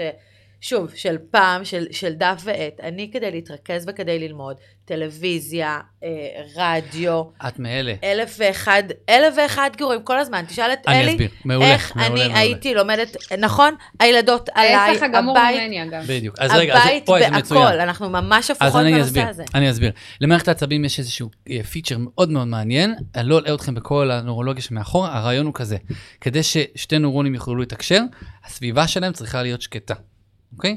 הנוירונים אמורים לדעת לעשות את זה לבד. כשנוירון א' רוצה לדבר עם נוירון ב', הוא מפעיל עוד איזה 20 ומשהו נוירונים מסביב, סתם זרקתי מספר, אבל עוד מספר גדול מאוד של נוירונים שישתיקו את הערוצים מסביב, כדי שאני והוא נוכל לתקשר בשקט ושלא יהיה זליגה של אה, מידע צידה. ואז אה, אה, ככה השדר יכול לעבור בקלות. אם זה לא קורה, זה יוצר מצב של המון רעש במערכת. ואז אה, יש שתי, שתי אופציות לבן אדם. בן אדם אומר, אני רוצה שקט. אם לבן אדם יש שקט פנימי כבר משלו, אז הוא עושה מה שאלי עושה, והיא אומרת, אה, צעקה עליהם קודם, סתמו את הפה, אני סוגרת פה, נכון? סגר, סגרה אותם תהיו במרתף, סגרה אותם. במרתף, נעלה אותם במנעול של ההוריקן שם, וחזרה. בדיוק. זהו, והיא צריכה את השקט. את מייצרת שקט אחרת. את לא יכולה בשקט בוואקום, את מייצרת רעש רקע, והרעש רקע הזה הופך לך לרעש לבן וליכולת לפקס. את משתמשת בעצם באביזר חיצוני, שאת עשית לעצמך אדפטציה לימודית, וזה בסדר גמור. אני מלמד ילדים היום לזהות את זה שזה, שזה פיצ'ר אצלם, ולהשתמש בזה. לא לנסות להילחם בזה, להפך. לגמרי, לגמרי, אני לא לבחור את נלחמת בזה. המוזיקה המתאימה. אני מלמד ילדים לבחור, נגיד, אם אנחנו ישראלים, אני אומר להם, תבחרו מוזיקה באנגלית, שלאו דווקא מדברת אליכם, אבל יכולה להיות מוזיקת רקע. אני, אני, אני, זה לא פרסומת סמויה, אני למדתי שמונה שנים בארצות הברית עם קולד פליי. מדהים. קולד פליי זה, למה? כי זה מונוטוני, זה די חוזר על עצמו, אני מת על זה טה, זה נהדר. וזה נותן לי את היכולת להתפקס. אני- אם הייתי שם מוזיקה ישראלית, כל הייתי- הזמן הייתי... כן, הייתי שרה, הייתי. כזה. לא כן. כן, אני כן. לא מסוגלת לשים מוזיקה, אני צריכה שקט. אה, בסדר, אז שתי מערכות מבוסתות אחרת, וכל אחד צריך להתאים לעצמו את מה, ש, מה שהוא צריך, וזה בסדר גמור. אבל כל אחד צריך לדעת מה מתאים לו. לא, לא, אני... אני, רגע רוצה להגיד משהו על ויסות חושי, אבל הדבר הנפלא בכל המערכת הזו, שבדרך כלל, שוב, לא מדברים פה על מקרים מאוד מורכבים וכאלה שנדרשים אה, לאקסטרות, בדרך כלל כשהמערכת, כל מערכת שלנו נמצאת בתת או ביתר, הטיפול מאוד דומה. כאילו, ת, בערך כל ילד שנמצא בתת רגישות במערכת הטקטילית, שזה מערכת החישה החיצונית, מערכת העור שלנו, או ביתר פעילות, מגע עמוק יפתור את הסיפור הזה. כך או אחרת. אז אני, אני אז- אגיד לך סוד, את, בטח- אני לא זוכר אם את זוכרת את זה מהקורס שלי, שאמרתי כמה פעמים, שבוויסות חושי יש כמה דרכים. אני, אני, בגלל שאני בא מתוך עולם של נורולוגיה תפקודית, אני לא, אה, כאילו, בניגוד נגיד לעולם של ריפוי בעיסוק, אני, אני לא עושה מאצ'ינג הרבה פעמים. מה זאת אומרת? התפיסה בריפוי בעיסוק או במקצועות רפואיים דומים היא, אם יש לי ספזם ביד, יש לבן אדם ספזם, אנחנו ננסה לפתוח לו את הספזם. זאת אומרת, סוג של להילחם בתוך הסימפטום, המון. כנ"ל עם אה, ויסות חושי, יש לו אה, רגישות ברגליים, בואו נחשוף אותו עד, ש, עד לרוויה מסוימת. עד שזה יפה. ואז הוא יוכל אז להסתדר עם זה. כשאתה מבין את מערכת העצבים, אתה מגלה שיש, אה, ל-pathways האלה, לדרכים האלה, יש עוד כמה טריקים. אתם רוצים טריק קטן? טריק קטן. אה, הוא בעצם רואה את הנתיבים, את ה... מה כן, זה נקרא, ברגע- את הגורם המרכזי. למעשה, הוא רואה את, אה, את הסדרה האולטימטיבית לנושא הזה, החיים. לא, עברתי מזמן. אני- לא, אבל רגע, אבל אני רוצה טריק, את הכל, את הלו, כל ה- כל אז אני לא אשכח, לא, איפה אני אשכח? כל המסילות של הגוף. כל הזה, אנחנו, תראי, אה, אחד הדברים שאנשים לפעמים לא יודעים, שגם אצל כל מערכת העצבים שנבנית אצל ילדים, אה, הכל כשהוא נבנה, אה, מאוד מאוד תלוי באינטגרציה בעצם בין החושים. אז ילד למשל, בואו ניקח את הדוגמה שלך לרגישות אה, טקטילית, רגישות במגע, זאת אומרת נגיד הוא לא אוהב לגעת ב, ב, בדברים מסוימים ב- בידיים או ברגליים או בפה, מאוד מוכר. Uh, את מכירה את יקירתנו עינת לוי זמר שאומרת הרבה פעמים, תשתמשו במערכת הוויסטיבולרית, תשתמשו במערכת הוויסטיבולרית, נכון? היא, אוהבת את זה. ואני גם מאוד. אני אסביר קצת למה. הסיבים תסביר, שמובילים, רק תיתן את ה- אני את אסביר, אני השם אסביר. ה- השם העממי למערכת, המערכת, אה, איך קוראים בעברית? שיווי משקל. זה שיווי משקל, אבל אני, אני קצת אסביר מעבר. אה, כשהמערכת שלי שאחראית להגיד לי איפה נמצאים האיברים שלי, נגיד כפות הרגליים שלי, עם המערכת הזאת שמובילה מידע מכף הרגל וממפרקים שלי בכף הרגל, דרך עמוד השדרה שלי, אל המוח הקטן שלי, הסרבלום, ואחרי זה גם לקורטקס, לקליפת המוח העליונה, ובעצם אומר לי איפה נמצא בדיוק כל מפרק ואיך אני צריך להתאים. אם המערכת הזאת לא מספיק מדויקת לי, המידע שעובר דרך הסיבים האלה הוא לא מספיק חזק. דמיינו צינור שכאילו לא עוברים בו הרבה מים, אוקיי? מי משתלט על, ה, על, ה, על, ה, על הצינורות מידע? המערכת הטקטילית. ואז יוצא שילד עומד עם, אה, על, על, על, על משטח, על אספלט או על חול, וזה נורא, זה, זה קוצים לו, זה שורף לו, זה בוער לו, אבל הוא עומד על שטיח אה, קצת אה, גס, כאילו לא יותר מזה. בעצם הוא לא חווה את, ה, את השטיח כמו שאת חווה את השטיח, או את הרצפה כמו שאת חווה את הרצפה. והסיבה היא שהמערכת של הפרופריוספשן שלו, המערכת שאמורה להגיד לו איפה כל דבר נמצא, היא לא מספיק עברה אה, הכלה ואינפורמציה. אז ילד כזה, למשל, לפעמים אני, שיש לו בעיה ברגישות הטקטילית שלו, לפני שאני בכלל ניגש לנסות להילחם לו, להציג לו מידע, כי הוא חווה את זה כמתקפה. אני מחפש את הדלת- האחורית. מה אני עושה? אני עובד איתו על proprioception. אני עובד איתו על... על מבינה, אבל עובד- בסוף אני צריכה משהו קל לתרגול בבית. אז יש, אז אם לקחת, אה, אם זה תלוי באיזה גיל, אם זה תינוקי, אני אקח ואני אני אשחק לו עם המפרקים של הרגליים. אני אשחק עם, ה, עם הטונות שלו, אני אשחק, אני, לפני שאני מציג מגע, אני אשחק לו עם כל הרגל, עם הקרסול, עם הברך, עם הירך, אני אשחק איתם כדי להפעיל את המערכת של הפרופריוספשן, כי אז כשאני אציג כדי מגע, לשמן אותה. להכניס מידע פנימה, ל- הוא מה שנקרא אם אני- מתחיל. כן, אני, בדיוק, אני עושה, לא, איך אני, סוג של פלור, פור, פורפליי כזה, אבל הרעיון הוא להנמיך את העוצמה של המערכת, של, של המערכת הטקטילית, באופן, אה, נקרא לזה עקיף. ואז כשאני נכון, ניגש לעשות... אבל בסוף, חז... בסוף חשיפה חזרתית למרקמים, תעשה את זה. אבל- אז גם אם אני לא אעשה את השאלה ההתחלה באיזה הזו, מחיר. ואני אתחיל ממרקם רך לקשה, עדין לגס, זה נורא תלוי בסטטוס של מערכת העצבים. הרי מה מגיע אליי בסוף? מגיעים אליי ילדים, או טלפונים מ- מ- מכל יקירותיי שנמצאות אה, ברחבי ישראל או בארצות הברית, שלמדו איתי, למדו איתי ועשו זה, ומגיעים הודעה, לא מגיעה למדו הודעה. איתך, למדו אצלך. למדו, אנחנו, לא- אני, אני מלמד ולומד תוך כדי. הן לומדות אצלי ואיתי, ואומרות, אדנו, תקשיב, יש לי איזה קטע, יש פה איזה תינוק, לא יוצא לו הרפלקס של ההכאה. מה שלא עשיתי, לא יוצא לו. לא עובר לו. ואז אמרתי, רגע, שנייה, תוציא את האצבעות מהפה קודם כל, בואי, שנייה. אמרה, בסדר. ואז התחלנו לעבוד, יודעת, את מכירה את זה, ושרירי פנים עשינו ועשינו ועשינו, ולא ירד לו הרפלקס של ה... איזה גג, גג רפלקס. אז לימדתי אותה איך לנענע אותו בצורה מסוימת לצעד מסוים, כדי לגרום למערכת העצבים לבד לבצע מה שנקרא inhibition על האזור הזה, ואז שהיא מציגה, בפעם הבאה שהיא מציגה את הגירוי, הגירוי לא עושה למערכת את הטאק הזה. כי את ההצפה, את ההצפה של- הזו. ש- גירוי של הרפלקס גג זה רפלקס הישרדותי, זה אמור למנוע ממני למות. למות. אז אם אני בא מישהו ועושה לילד ונוגע לו וזה, ומדליק לו את זה בצורה קצת טיפה אגרסיבית, זה ננעל, זה כאילו, זה לא הולך להתקדם לשום מקום. לכן צריך להכיר את הדלתות האחוריות, נקרא לזה, במערכת העצבים, ואיך קצת אה, להשתמש ולעבוד עליה במרכאות, כדי לייצר את ה... את ה...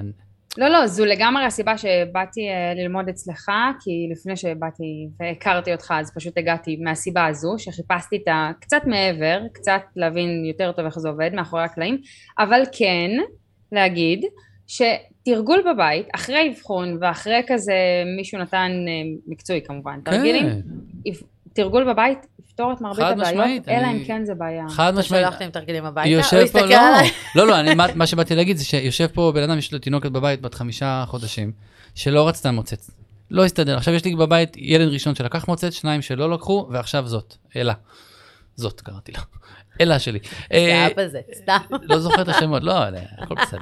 אז היא לא רצתה מוצץ, ואשתי אמרה לי, אדם, תקשיב, היא חייבת מוצץ, אני רוצה לישון. כאילו, אין לי כוח להעניק כל הלילה, די, אנחנו כבר לא בני 20, כאילו, ספר עברתי לך את הזה. סוד? זה עדיין. לא, אז תקשיבי, היא לא לקחה מוצץ, היא לא רצתה מוצץ. עם מי התייעצתי כמובן? עם כל החברות שלי. תראה, בואו, עשיתי פורום בנות. הם באו בשמחה, סתם התייעצתי באמת עם כמה, אה, ומדהימות שכמותן, באמת, עזרו לנו, עינת כתבה לי תוכנית, אה, עשינו תוכנית באמת, תקשיבי, זה תוך פחות משבוע. היא קודם כל התחילה. לקחת מוצץ. אני מדבר איתך אחרי, אנחנו אחרי סוף שבוע, שהילדה התעוררה כמה פעמים בלילה, לקחה מוצץ, חזרה לישון. הורה שרואה דבר כזה אומר, חבר'ה, רבותיי, זה עובד, לא צריך יותר מדי. עכשיו נכון, עשיתי קצת טריקים, כאילו רימיתי. השתמשתי בכל מיני גירויים אחרים כדי לייצר, אה, להאיץ את התהליך, כי אשתי ישבה לי על הצוואר, אמרה לי, אדם, נו, לא יכול להיות שהסנדלר הולך יחף, הבת שלך לא לוקחת מוצץ. אמרתי, יאללה, נשקיע את הכמה שעות. הילד האלה." נתקע בקירות, הילדה לא לוקחת מוצץ, למה השקענו בך? נכון, למה השקענו? למרות שאני אסביר, את- השחר שלי שככה יהיה לי טוב, ילד מדהים, הוא פשוט, אה, הוא קיבל את האנרגיות של אבא שלי, שזה, אה, איך הוא, אה, וגירויים מהאחים שלו. וואו, זה הדבר, זה באמת. אין לו רגע, עכשיו זה מגניב שהילד מתחיל, כשהאח הגדול או האחות הגדולה מתחילים לדחוף את העגלה ואת מבינה שאת לא צריכה לדחוף לבד, זה מה זה קטע? את לומדת שאת יכולה ללכת עם כוס קפה בפארק, אבל כשהם אתה, מתחילים לדחוף. במהירות ולטלטל ולהזיז ולהחזיר, אם אני משחררת את הגדולה, בבקשה. מקווה שיש לך ביטוח על הדבר. להרים את הקטנה, אין לי ילדה. זה, אגב, אפרופו הסנדלר הולך יחף. פעם ניהלתי מסעדה, הגיע לשם יובל המבולבל עם הילדים שלו, והם פשוט היו בלתי נשלטים בעליל. הם כאילו באמת? קפצו אני לי על מקווה השנדלירים. שיובל ב- המבולבל לא מאזין לפודקאסט. נכון, אני דרך אגב, אני מעריץ. ענק של יובל, אני למדתי אצלו סדנה. אם הוא שומע, תדע יובל, אני הייתי בסדנה שלך בבית ציוני אמריקה ב-2000, לא, לפני, ב-99, משהו כזה. הוא בן אדם, תדעו לכם, אה, עוז, בדיוק נולדת. לא, הוא בן אדם- הוא בן אדם מדהים, הוא באמת באמת בן אדם מדהים, אבל יכול להיות, תשמע, ילדים זה קשה, מה אני שלי אגיד יש לך? חוויה נורא ילדים מפחידה זה- איתו, את האמת שפעם ראשונה שנחשפתי אליו ולתכניו, בלילה היה לי סיוט מהכל. מה, הוא אמר לך, ירדה. בכל מקרה, מה שאני כן רוצה לעשות כדי לסכם, אז קודם כל, מה זה תודה שבאת? כי זה לא ברור לי מאליו תודה. בכלל. לגמרי, לגמרי, אה, תודה. יעל להגיד ולומר שבאמת הסכמת לבוא בשעה לא שעה בערב כדי שההקלטה תסתדר ושנוכל לארח אותך. אנחנו מודים לך, אתה באמת מעיין נובע של ידע, כנראה שיכולנו להקליט 52 שעות לא שמתי פה. כמה דליים ש... אתה את יכולה, אתה מעיין נובע. נובע. רק את, רק את. יש לה בשנת עברית. 2021 יכולה להגיד משפט כזה, את פשוט קסם אבל של אני דבר. רגע עם רוצה מעיין להגיד משהו. אה, חשוב ומהותי. הרפלקסים הפרימיטיביים, כאשר הם לא מוטמעים כראוי או כמו שצריך, הם כן משפיעים על הוויסות החושי, הם בוודאי. כן משפיעים על התפקוד היומיומי ובהחלט משפיעים על ההתנהלות. אז כולכם לרוץ לאדם. בכל גיל דרך אגב, זה לא... בכל גיל. זה לא מאוחר עדי. אז אה, אדם, אני רוצה רגע שתספר להם בבקשה איפה אפשר למצוא אותך, איך אפשר לראות אותך, איך אפשר להגיע אליך. אני כבר יודעת, אבל... אפשר לבוא אליי הביתה קודם כל, נעשה מנגל. אבל אה, אפשר לפגוש אותי בקליניקה, זה. ישר, אני אוהב. אה, בקליניקה במודיעין, יש לי קליניקה במודיעין, יש לי קליניקה במעלה אדומים, שזה יותר קרוב לי לבית שאני גר, אני גר בחור במדבר, אני אוהב את זה. אה, אל תעשה שלא יבואו למנגל. אל תספר נכון. את זה לאף אחד. לא, עכשיו בעלי ישמע את זה. אתם יכולים לי אותי בעלי ישמע את זה ויגיד לי, את רואה, את. רואה, כולם, כל עכשיו שגרים לבוא. בדברים טובים. לא, לא. אנחנו, בית. אפשר למצוא אותי באתר, יש לי אתר אינטרנט, זה די פשוט, נכון? טריוויאלי, יש לי דף פייסבוק, יש דף אינסטגרם, יש לי טיק טוק, אני לא יודע מה לעשות איתו עדיין. אוי, טיקטוק זה החיים. ראית? בבקשה, בת נוער. רק שתדע שאני עשיתי סטורי, העליתי ואני חיפשתי אדם וינטר, אה, ולא מצאתי. אני- על זה. אז אה, עכשיו זה הזמן להגיד את אה, היוזר שלך. היוזר שלי זה, דוקטור אדם ווינטר באנגלית, זה DR אדם ווינטר. אה, עם W. עם W, אני ניסיתי ווינטר. The winter is אבל עם coming. אבל ה-DR בלי לפני ה-DR. כן, בדיוק. אז זה DR דוקטור ווינטר, יופי. תמצאו אותי באינסטגרם, בפייסבוק. עבד קשה, עבד קשה על ה-DR האלה. אבל בנימה האישית אני רוצה להגיד לך תודה שנתת לנו כלים להתמודד עם הדבר הזה שיושב לידך. היא מקסימה, תפסיקו ומיד. גם שעה מאוחרת? שעון חורף וכולי, בוא'נה. שעון חור, שתי בנות, אה, הייתה בחוג היום, לימדה רגע, בבוקר. רגע, אל תאמין לה, היא לא ישנה עוד לפני שהזיזו שעון. זה לא קשור. אין קשר. והיא מוצץ, אגב, שתי, אחת כבר בלי מוצץ כי היא גדולה. היא מוצץ, היא מוצץ ועם. הכל, ועם הכל, הכל, הכל, והם איתי במיטה בסוף, והכל חגיגה. אנחנו נעשה בהזדמנות, אה, פה- אה, מה, על אה, איך להיות אימא קשוחה? מה? לא, תשמעי, לא. הכל בסדר. רגע, ברור אני כבר אומרת בסדר. לך שאנחנו הולכים להקדיש חודש שלם, שאת כל ההקלטות שלו אנחנו נקדיש להפרעות קשב וריכוז, ואם אתה או. תבוא, אז אנחנו נשתפך מרוב אושר, אה, אבל באמת, באמת, כמו מעיין, כמו מעיין הנה נובע. המעיין צוחקים הנובע. שלך. אה, אני שמחה לגלות, הנה, אה, כולנו גילינו כרגע שמה יש לנו בתכנון. אני פשוט באה, היא מעולה, כן, היא תכננה הכל, ברור. הכל מתוכנן. יש לה, הגנת קדימה שנתיים. מקסים. אלי, תודה שהזמנת. עכשיו ברצינות, באמת, אבל אתם לא יודעים, אבל עבורי זו התגשמות של חלום. אני למדתי אצלו, אה, למדתי ממנו, אני ממשיכה ללמוד ממנו, בכל מיני קייסים כאלה ואחרים שאני תקועה, הוא היחידי שפותר לי אותם, אז עבורי לארח אותו בפודקאסט זה, לא יודעת, אה, מה אני אגיד לכם? כמו הזברה בספארי, ש... בסוואנה. שניצלה כרגע. עוד לא עברת לספר. הזה? לא, זה הספר- זה יעקב, קראו לו יעקב. אני נדבק, אני החלטתי להישאר עם יעקב, ואני אוהב את הדימוי. אני גם. שמחה שנתת יעקב ולא זוהי, כי אז הייתי יושבת פה ברגשות... היה לי אה, והורדתי את זה אשם. מהראש. לא, לא. בנות, תודה שהזמנתם, אה, אתם אה, כיפיות. ומרתקות ואחלה. אנרגיות. תודה, אה, תודה. והורות זה לא פשוט, יצא לי חרוז, אבל הורות זה לא פשוט. לא פשוט. אבל אה, אתם יודעים שמה שרץ לי בראש כל הזמן זה, אני הולך, אני רוצה לייצר ילדים שהם טובים ממני בהכל. ברור. וכדי לעשות את זה, אני בעיקר צריך לא להפריע. אתם שומעים? אני לא וואו, מפריע. זה הכי מונטסורי ever אגב. כן? כן. אני מונטיפיורי? הכי מונטסורי הכי ever. מונטיפיורי שלך. מריה, מונטסורי אומרת שכל מה שאתה עושה בעבור הילד שהוא יכול לעשות בעצמו, לקחת ממנו. את היכולות. אתה יודע כמה פעמים אני מוציא אימהות, כמו היום, מוציא אימהות מהקליניקה, עם הילד, מוציא אותם. אומר לה, יש לי מתמחות שעוזרות לי, אז אני אומר לה, תקשיבי, תעשי עם הילד ככה וככה וככה, את, בואי איתי, מוציא אותם החוצה, ועושה להם שיחה. את לא שמה לו נעליים, את לא מורידה לו נעליים. הילד. בכיתה ו', את לא צריכה לשים לו גרביים, לגרוב לו גרביים, את לו. לא- לא- אגב, לא. אגב, אני חייבת לשאול שאלה. אה, באיזה גיל הם אומרים כבר אה, לקשור שרוכים? וואי. אוקיי, אז זה מוטוריקה עדינה.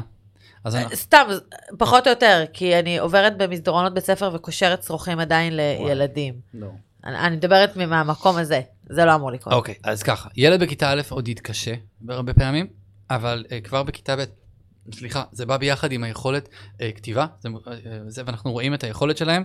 יש לי לפעמים ילדים שיש להם קושי לא דווקא במוטוריקה, אלא ב, בחוויה התלת-ממדית שנקרא קשר, אוקיי? זה איזשהו sequence מסוים כן. שהם צריכים ללמוד, יש ילדים שזה בא להם בקלות, ויש ילדים שזה ממש, הם, אני מלמד אותם את זה כמו, יש לי סכמה.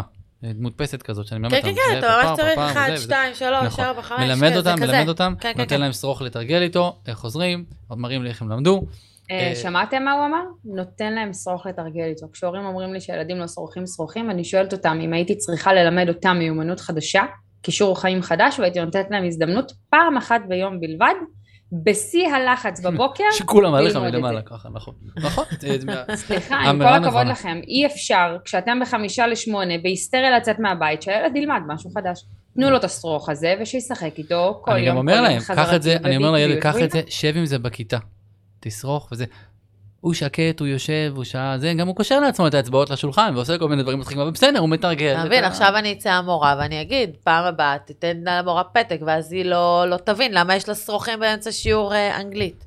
אני אומר- לילד, אני אומר לילד, תגיד, תגיד, דוקטור וינטר אמר לי שאני צריך לתרגל קשירה כדי לקשור שרוכים. אני אומר, אם יש מורה אה, לא, אני שתגיד לא לו... בגיל אה, הזה, אגב, אני לא לומדת את הגיל הזה, לא, לא, אין בעיה. למה? אבל, אה, אבל אה, בנוגע להורות זה לא פשוט, הורות זה לא פשוט נכון, אבל הורות זה הדבר, המתנה הכי גדולה שקיבלנו בעולם הזה. ואנחנו פה בשביל לנרמל ויש אותה. לנו זכות להיות אחראים, לארגן את הסביבה בעבור האנושות הבאה, אלה שדור העתיד שלנו.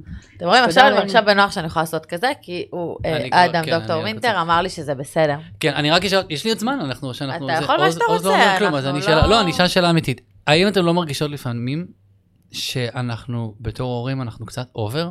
כאילו, ההורים שלי, לא, אבא אני שלי לא יודע איך קוראים לי. עד איזה גיל מסוים. ממי אני הכי עם המזניחה שיש. אה, את לא, אומרת... לא, את- לא, עדי לא אימא מזניחה, אבל אני רק רוצה להגיד משהו על הורות over, מה שנקרא הורות הליקופטר, או... לא, לא הליקופטר, במונחים- אני יודע לא, לא, שזה לא. מוקדם, וזה ראיתי הרבה, אבל אנחנו כהורים, הנה, אני הורה נורמטיבי, כל ההורה נורמטיבי, כולנו הורים נורמטיביים, עדיין, אנחנו מאוד עסוקים בהתפתחות של הילדים שלנו, ב consistency של הצורה שלהם, ב- בכמה הם אכלו פחמימה, אנחנו כאלה, אנחנו, האם זה טיפה over, או שזה בסדר? אני יכולה לענות עמוק בפנים, הכי תשובה מהלב שלי, אני לא בטוחה שזה מה שנקרא חכם עסקית, אבל אני אגיד את זה אמיתי. הרבה מאוד פעמים בקליניקה, כשהורים מגיעים ואני מה, שרואה, מה שנקרא רואה את ההורות אובר, כמו שאתה קורא לה, אני שולחת אותם לתרגל במשך שבוע עם טבלת אקסל. הם מקבלים ממני טבלת אקסל, וכל מה שנדרש מהם לעשות זה לרשום מה הילד מסוגל לעשות בעצמו. לא לבד, לא מתוך בדידות, אלא מתוך מסוגלות, בעצמו. אז מה שאני עושה זה אני לוקחת רגע את אותה אימא, את אותו אבא, אגב היום יש אבות שהרבה יותר מעורבים מאימהות ואני. מברכת על זה, ממש, ממש ממש ממש, והלוואי על כולנו אבות כאלה, או כמו שאמרת האבות של פעם לא זכו איך קראו לנו בערך, לוקחת אותם אחורה, וכל מה שעליהם לעשות זה לרשום, מה שנקרא תצפית למתחילים, רק לרשום מה הם יכולים לעשות. א', הרחקתי אותם מהסיטואציה, הם כבר לא מעורבים, הם כבר לא רק אומרים מה לעשות, אתה תשמע הרבה הורים מתפעלים מרחוק, לא, לא אוכלים ככה, תחזיק את זה ביד הזאת, לא, תנעל את זה, תלבש את זה, תעשה את זה, תעשה...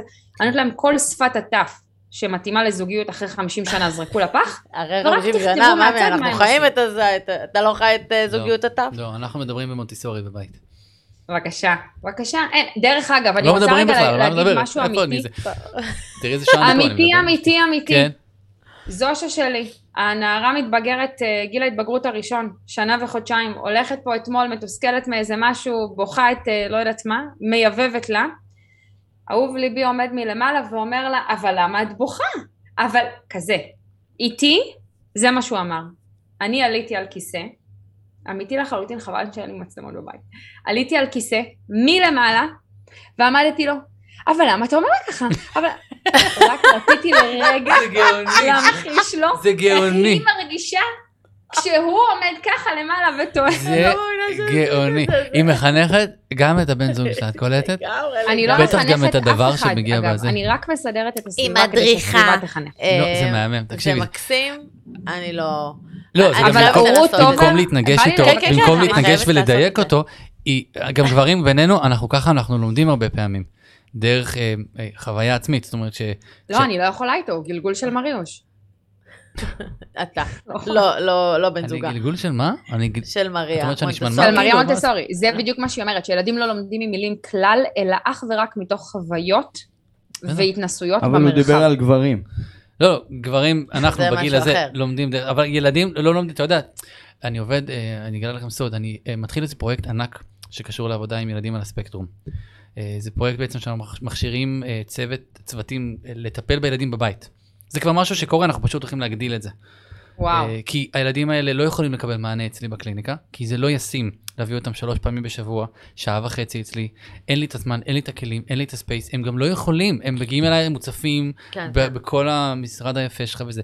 לא, הם צריכים את זה בבית, בסביבה שלהם, ההורים שלהם צריכים להיות נוכחים, ההורים שלהם צריכים להיות, לדעת מה קורה, זה תהליך ארוך ומפורק. כל מה שהילד, כל מה שזושי למד, למדה ב, בדקה, הם צריכים חודשים.